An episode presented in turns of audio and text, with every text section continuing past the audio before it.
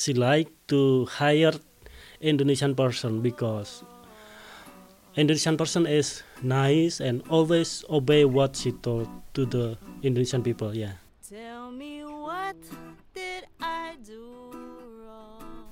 Uh, my name is Jainal. I come from Indonesia. What did I do wrong? Dat, eh, het systeem eh, maakt dat mensen die in Nederland als domestic worker werken uitgewrongen worden. For you to treat me like this is my life's worth less than a piece of document. Is that it? Actually, we are thinking to report um, this um, uh, her to the NLA because yeah we have listed at least nine victims, including Zainal. Dit is Uitgevrongen, een podcast over onzichtbare mensen die in Nederland huizen poetsen voor kinderen en ouderen zorgen. Ik ben Jessica Maas. En ik ben Wiebe de Jong. Fijn dat u luistert. Dit is aflevering 3. Wat doen we met opa? When I saw her the first time, she looked very nice. The way he talked, the way he treated me, the way he, yeah, very nice woman. She told me to look after Opa with a little thing to do. Dit is Senal uit Indonesië. Hij heeft het over zijn baas. De vriendelijke vrouw die hem een jaar geleden inhuurde als oppas voor haar vader. Opa. De oudere man heeft een lichte beroerte gehad en heeft hulp nodig. When I worked for him, I, he was 82, 82 years old, and uh, he got a stroke, but he still can walk, can eat, and can talking. Physically, everything is still normal. Maar van een klein beetje werk blijkt geen sprake. Zenal maakt lange, lange dagen. Mostly more than 12 hours, at least 12 hours. I just start at 8, 9, around 8 and 9, and finish at 12, sometimes at 4 in the morning. Hij maakt het huis van opa schoon, haalt boodschappen, geeft medicijnen. En tijd om even te zitten is er nauwelijks. If Opa wake up, I, I, I wash Opa. I, so I become the nurse also to wash Opa. Ook het salaris blijkt een probleem. Zainal krijgt steeds minder betaald. The first time is 900. Yeah, and then the next three months being 800 lower. I thought if I show her my loyalty, I show her my work, it will she will appreciate what I do. But there is no appreciation at all. Even say thank you, never. She never she never said thank you to me. Dit was zeker niet wat Senal had verwacht toen hij zijn vrouw en twee zoontjes van 4 en 12 in Indonesië achterliet. Daar werkte hij als boer, op de rijstvelden. Maar hier in Nederland wordt hij uitgebuit, afgesnauwd.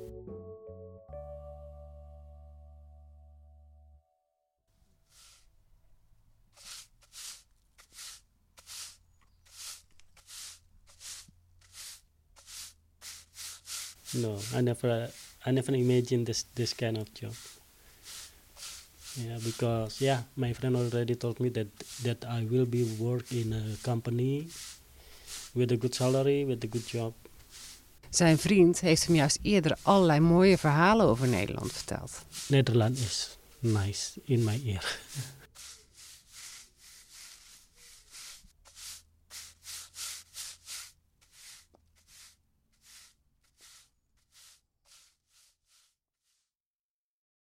Ik ben Tesseltje de Lange, hoogleraar Europees migratierecht aan de Radboud Universiteit en tevens directeur van het Centrum voor Migratierecht. Tesseltje de Lange vreest dat we in de toekomst veel meer van dit soort verhalen gaan horen.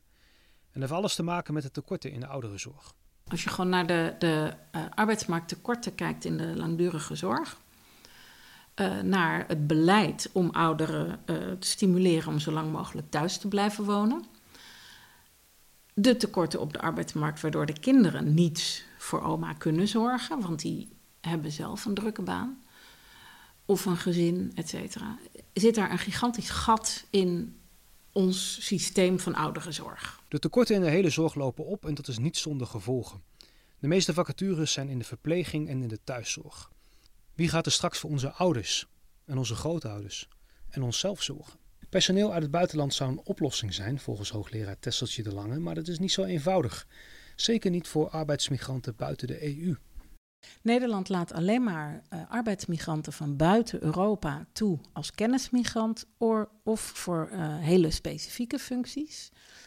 En um, de uh, groep domestic workers, waar ik vaak onderzoek naar doe, dat gaat om mensen van buiten Europa, zoals um, uit de Filipijnen of Indonesië, um, Zuid-Amerika, die dat werk hier zonder dat ze een verblijfsvergunning hebben, doen. De oplossing lijkt toch eigenlijk voor de hand te liggen. Er zijn alleen al op de Filipijnen en Indonesië genoeg mensen die dit werk graag willen doen. um, uh, de, de, ik ben, ben migratierechtjurist. Dus bij mij uh, is uh, de eerste drempel dat je de juiste verblijfsvergunning moet krijgen hiervoor. Dan is de vraag of dit werk, of je daar gediplomeerd voor moet zijn op een Nederlands niveau, of je daar zelfs eventueel geregistreerd voor moet zijn. In, en, en dan moeten je diploma's erkend worden. Dat is een aparte uh, procedure. Dan um, uh, heel praktisch moet iemand betaald worden. Dus dat persoonsgebonden budget moet dit toelaten. Dan zijn onze huizen er niet op ingericht. Want iemand moet netjes wonen en, en um, wel wat privacy hebben. nou, zo, zo kan je dus nog, mijn droom is hofjes van tien huizen. Waar het tiende huis voor een gezin uit het buitenland is. Want waarom? Deze mensen hebben zelf ook een gezin. Waarbij dan dus vader en moeder en kinderen um, op, op verschillende manieren die andere negen huizen waar dan oudjes wonen um, ondersteunen. Dat klinkt heel mooi, maar waar komt die weerstand dan toch vandaan?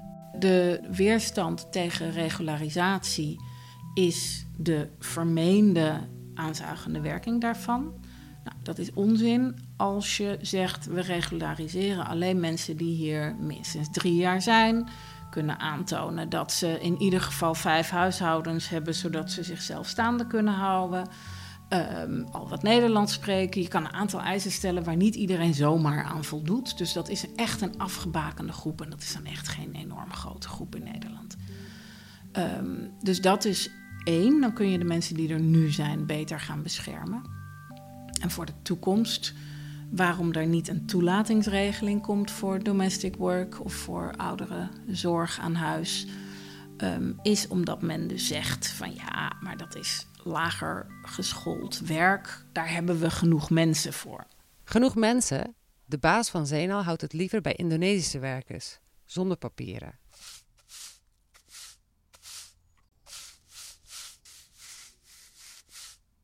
once the lady said to, to, to my friend that she like to hire Indonesian person because Indonesian person is nice and always obey what she told to the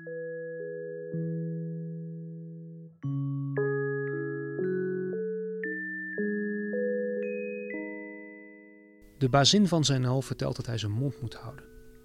Anders gaat ze naar de politie.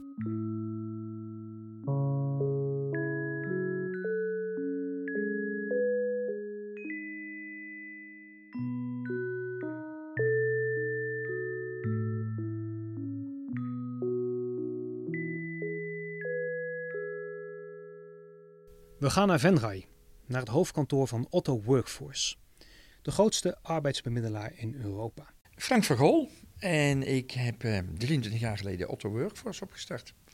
Van Gol maakt graag tijd voor ons. De uitzendreus met een omzet van 1 miljard euro is marktleider in heel Europa. In de retail, in de logistiek, productie en ook steeds vaker in de zorg. En hij heeft een missie. Op de gevel van zijn pand prijkt een grote banner met de boodschap Politici, vertel het eerlijke verhaal over arbeidsmigranten. Wat we zien dat uh, politici heel erg opportunistisch zijn. Uh, en, en, gewoon niet uh, het eerlijke verhaal over arbeidsmigranten vertellen. Het eerlijke verhaal is heel simpel. Arbeidsmigranten hebben heel hard nodig. Nu maar ook in de toekomst. En dat zagen we natuurlijk al jaren uh, geleden aankomen. Want die demografie is niet iets wat bijvoorbeeld net zoals een, een, sorry, een, een coronacrisis of een Oekraïne-crisis die je overkomt. Nee, die cijfers zijn al lang bekend. Dat er veel meer mensen vergrijzen. Als we gaan kijken, in het jaar 2000 hadden we 1 65-plusser op vier werkenden. Nu, anno 2020, uh, 1 uh, 65 plus op 3,2 werkenden. En dat gaat in 2040 naar 1 op 2,2. Dus dat is gigantisch als je ziet hoeveel mensen van de arbeidsmarkt afgaan. En dat is in alle sectoren, want we vergrijzen alle sectoren. Sommige sectoren gaan zelfs nog wat harder, bijvoorbeeld de zorg. je ziet in de zorg waar we nu al 45 of 49.000 mensen tekort hebben, dat in 2030 het drievoudige. En als alle cijfers doorgaan, want we worden ouder, dus is een grotere zorgvraag. Nou, de mensen in de zorg vergrijzen ook. Dus ja, dan, dan zijn er cijfers, zeg je jongens, waar er nu 1 op 6, 1 op 7 in de zorg werkt, moeten we naar 1, 1 op 4. Juist om uitbuiting te voorkomen, pleit de ondernemer voor een lik-op-stuk beleid en meer regels. We hebben helaas toch nog een hele hoop kwetsbaarden in onze samenleving. En ja, we hebben helaas nog uh, malafide werkgevers die daar misbruik van maken, die uh, mensen uitbuiten. Want daar hebben we het dan over. Ja, en ik, ik, ik, daar moet je gewoon een lik op beleid hebben. En niet zeggen: oké, jongens, ja, uh, we vinden het niet goed. En, en, en, en die mensen krijgen 500 euro boete of zo. Zonder arbeidsmigranten buiten Europa gaat Nederland het niet redden, weet hij. Daarom is functionele circulaire arbeidsmigratie nodig. Ik vind iedereen die je dichtbij aan het werk kunt krijgen, die hoef je niet ver weg te gaan halen. Dat je kunt gaan zeggen uh, dat, je, dat we elkaar een goede regelgeving gaan uh, afspreken uh, over, en ik noem dat functionele, gereguleerde, circulaire arbeidsmigratie. En ik zal het eventjes uitleggen wat ik daarmee bedoel. Functioneel alleen voor de tekortberoepen we hebben tekortberoepen, dat kan in de techniek zijn, dat kan in de bouw zijn. Misschien hebben we sectoren dat we zeggen, ja, die vinden we in de toekomst minder interessant. Voor daarvoor gaan we geen vergunningen meer verstrekken. Dat is een keuze die we als democratie moeten maken. Weet je alle hoe dat het in Canada geregeld hebben. Die hebben een staatscommissie. Die kijken per kwartaal wat er uh, uh, mogelijk is. Wat ze in Canada niet geregeld hebben, is het gereguleerde. Dat je naar moet kijken, maar krijgen mensen ook dan de juiste salarissen betaald? Hebben ze de juiste huisvesting is geregeld? Het circulair is een ander verhaal, want we moeten oppassen dat we niet een brain drain in die landen gaan veroorzaken. Ik kies voor een brain gain. En wat, waarom wil ik dat? Ik denk dat we mensen, en, ik denk dat het ook het enige is wat maatschappelijk kan op dit moment, dat we mensen uit uh, uh, het buitenland hier naartoe halen voor een bepaalde tijd. En ik bijvoorbeeld, noem een functie voor een, een, iemand in het ziekenhuis, een verpleegster, voor vijf jaar. Wat gebeurt er nou in die vijf jaar? Die persoon heeft je gaat in het buitenland werken, een persoonlijke ontwikkeling. Ze gaan in het Nederlands ziekenhuis werken. Nou, daar leren ze altijd iets van. Hoewel de ziekenhuizen in, in, in Filipijnen en in Indonesië heel erg goed zijn, waar ze vandaan komen. Maar goed, daar leren ze altijd iets van. De remittance, het geld wat ze terugsturen, daarmee hun familie uh, onderhouden. En dat zorgt voor welvaart in hun, um, uh, um, uh, in hun omgeving waar ze vandaan komen. En wat zien we dan ook? Dat door die welvaart die daar ontstaat, krijg je een economische ontwikkeling. En dan krijg je dus welvaart. En als ze na vijf jaar weer teruggaan, dan kunnen ze ook alles wat ze weer geleerd hebben, daar weer eh, eh, gebruiken. Nou goed, wij hebben al samenwerkingsverbanden ehm, eh, met Filipijnse ziekenhuizen. Indonesische ziekenhuizen, die zeggen ja, we zien nu eigenlijk hè, vanuit de Filipijnen 10% van de mensen werkt in het buitenland gaan naar Amerika toe, gaan naar het Midden-Oosten toe, Saudi-Arabië. Maar de mensen willen eigenlijk nog steeds heel graag naar Nederland komen. Af en toe vraag ik me eigen af. Uh, van nou ja, uh, en ik vraag hun, waarom wil je nou naar Nederland komen? Want je moet Nederlands gaan leren. Nou ja, ik, ik hoor mensen alleen maar klagen in Nederland. En zeg ja jongens, maar Nederland staat in de happy in de top 5 van de happy people. Het is volgens de ondernemer de politiek die wakker moet worden. Politiek Denk eens een keer verder dan je neus lang is. Denk niet aan die volgende verkiezingen. Nee, denk aan de welvaart van de kinderen, de kinderen van je eigen kinderen, maar ook de ouderen. Heb er respect voor dat ze daar nog verzorgd gaan worden. En ja, ik, ik, ik, ik vind het echt politiek die hier eh, ja, in mijn ogen zit te slapen. De oplossing lijkt glashelder. Zowel Frank van Gol als Tesseltje de Lange noemen Duitsland als lichtend voorbeeld. Die hebben in ieder geval regelingen om dit te faciliteren. En wat ik ontzettend belangrijk vind, is dat hij ook ehm, normen stellen aan de bemiddelaars en aan de gezinnen en aan de ziekenhuizen en aan de waar deze mensen gaan werken. Dus goed werkgeverschap, uh, niet hoeven betalen voor je bemiddeling, uh, uh, netjes wonen. Dat is allemaal genormeerd. En voldoe je daar niet aan, dan heb je een probleem. En dat is in Nederland niet, niet. Dus behalve een toelatingsregeling moeten we vervolgens ook zorgen dat de mensen die gebruik maken van deze arbeidsmigranten dat wel op een nette manier doen. Om niet weer dat, dat ja, uh, dan anders zijn we weer terug bij af. De oplossing uh, is wat mij betreft een, uh, eigenlijk tweeledig. Eén, de mensen die al in Nederland zijn, moeten aanspraak kunnen maken op een verblijfsvergunning. Dus hun um, situatie moet geregulariseerd worden. Omdat ik geloof dat een verblijfsvergunning het um, snelst en duidelijkst toegang geeft tot de nodige beschermingsinstrumenten. En mensen ook ja, empowered om ergens weg te gaan als het daar gewoon niet oké is. Um, en het tweede is dat er een toelatingsregeling moet komen voor nieuwe um, arbeidsmigranten in bijvoorbeeld dus de ouderenzorg. waarbij ik wel opmerk dat er ook best wel mensen zijn. Hè, los van de domestics die er al zijn, zijn er natuurlijk nog wel meer mensen in Nederland die, die langs de kant staan. En dat we um, uh, daar ook naar moeten kijken. Maar een deel van de oplossing is ook een legale toelatingsroute voor dus, um, uh, nou ja, de domestics die voor ouderen zorgen. We zijn terug in Amsterdam. Daar spreken we op het kantoor van Fairwork met Eline Willemsen en Karin Burgerhout. Nou, dat we verandering gaan zien ja, op het gebied van, van gereguleerde migratie, daar ben ik van overtuigd.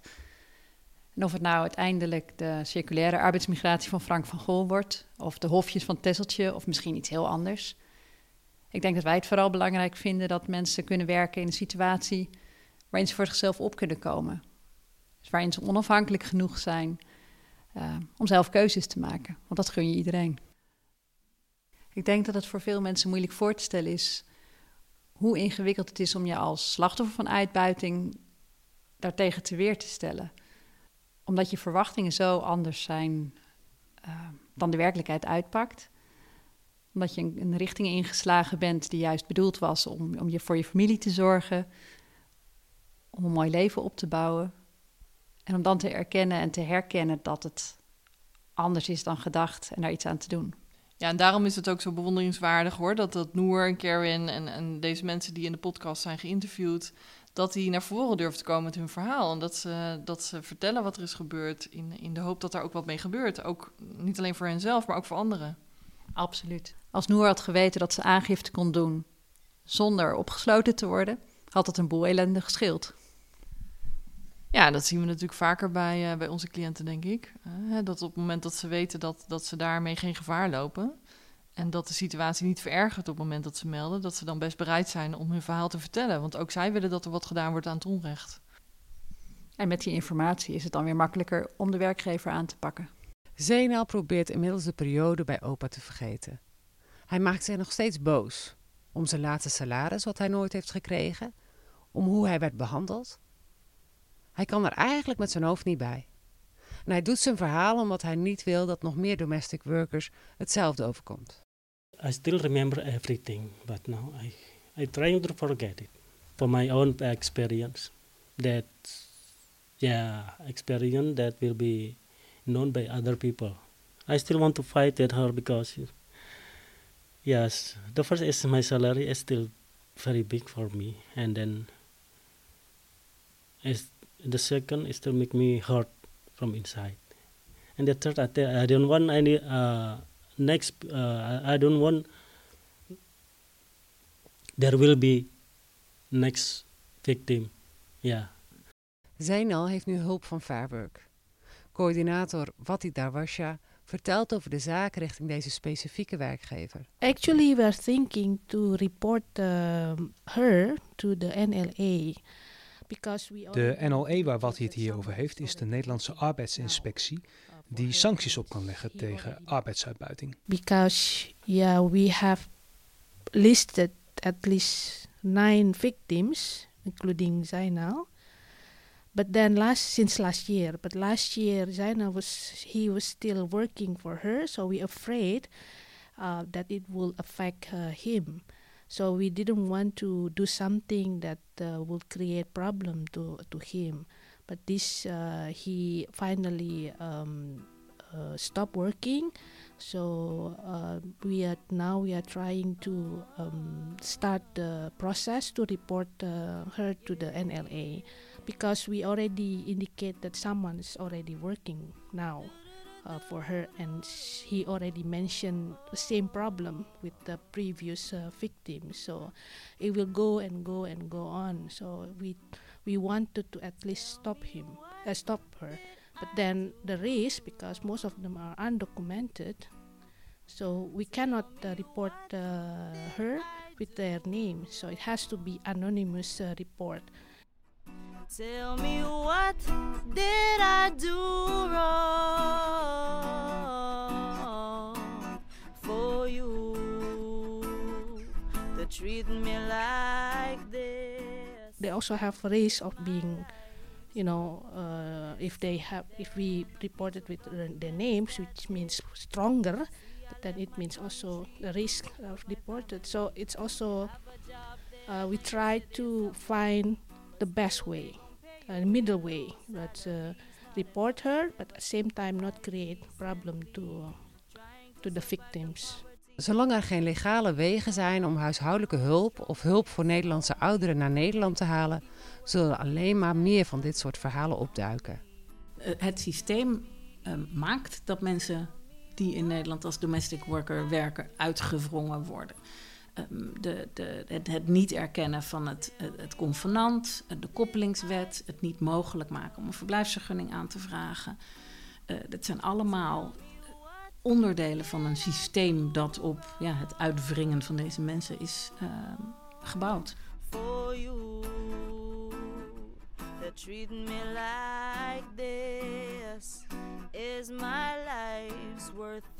Less than a piece of document is that it Hoogleraar Tesseltje de Lange vreest dat Nederland het voorbeeld van Canada gaat volgen. En dat niet de arbeidsmigranten naar Nederland komen, maar dat welgestelde opa's en oma's hun oude dag in Azië gaan doorbrengen. Nou ja, je hebt natuurlijk al oudere toerisme, dus pensionado's die, die naar Spanje en Portugal gaan. En ook daar zijn dit soort dingen eh, makkelijker te regelen. Ehm, en je ziet ook, ehm, dat, is dan een verhaal uit Canada, dat ouderen eh, naar Thailand gaan of naar de Filipijnen. Dus dan zet je je moeder daar neer. Het is niet zo goed voor je CO2-uitstoot als je als familie daar de hele tijd op vakantie gaat om oma te bezoeken. Maar dat gebeurt. Dan gaat oma daar in een, in een tehuis. Dit was de derde en laatste aflevering van Uitgewrongen. Een podcast van mij, Wiebe de Jong en Jessica Maas. Gemaakt in opdracht van Fair Work en met steun van GetW, de Global Alliance Against Trafficking Women. De muziek die je hoorde is van Marie Kiet, een Filipijnse artieste uit Amsterdam. En het nummer What Did I Do Wrong schreef ze voor Filipijnse arbeidsmigranten. Ken je iemand die momenteel wordt uitgebuit? Of heb je vermoedens dat iemand wordt uitgebuit? Neem dan contact op met Fairwork via fairwork.nu. Vind je dit nu een interessante podcast en wil je dat meer mensen deze podcast gaan horen? Laat dan een recensie achter. System is like living in a prison. Fight the system, fight the system, fight imperialism. Cause living in the system is like living in a prison.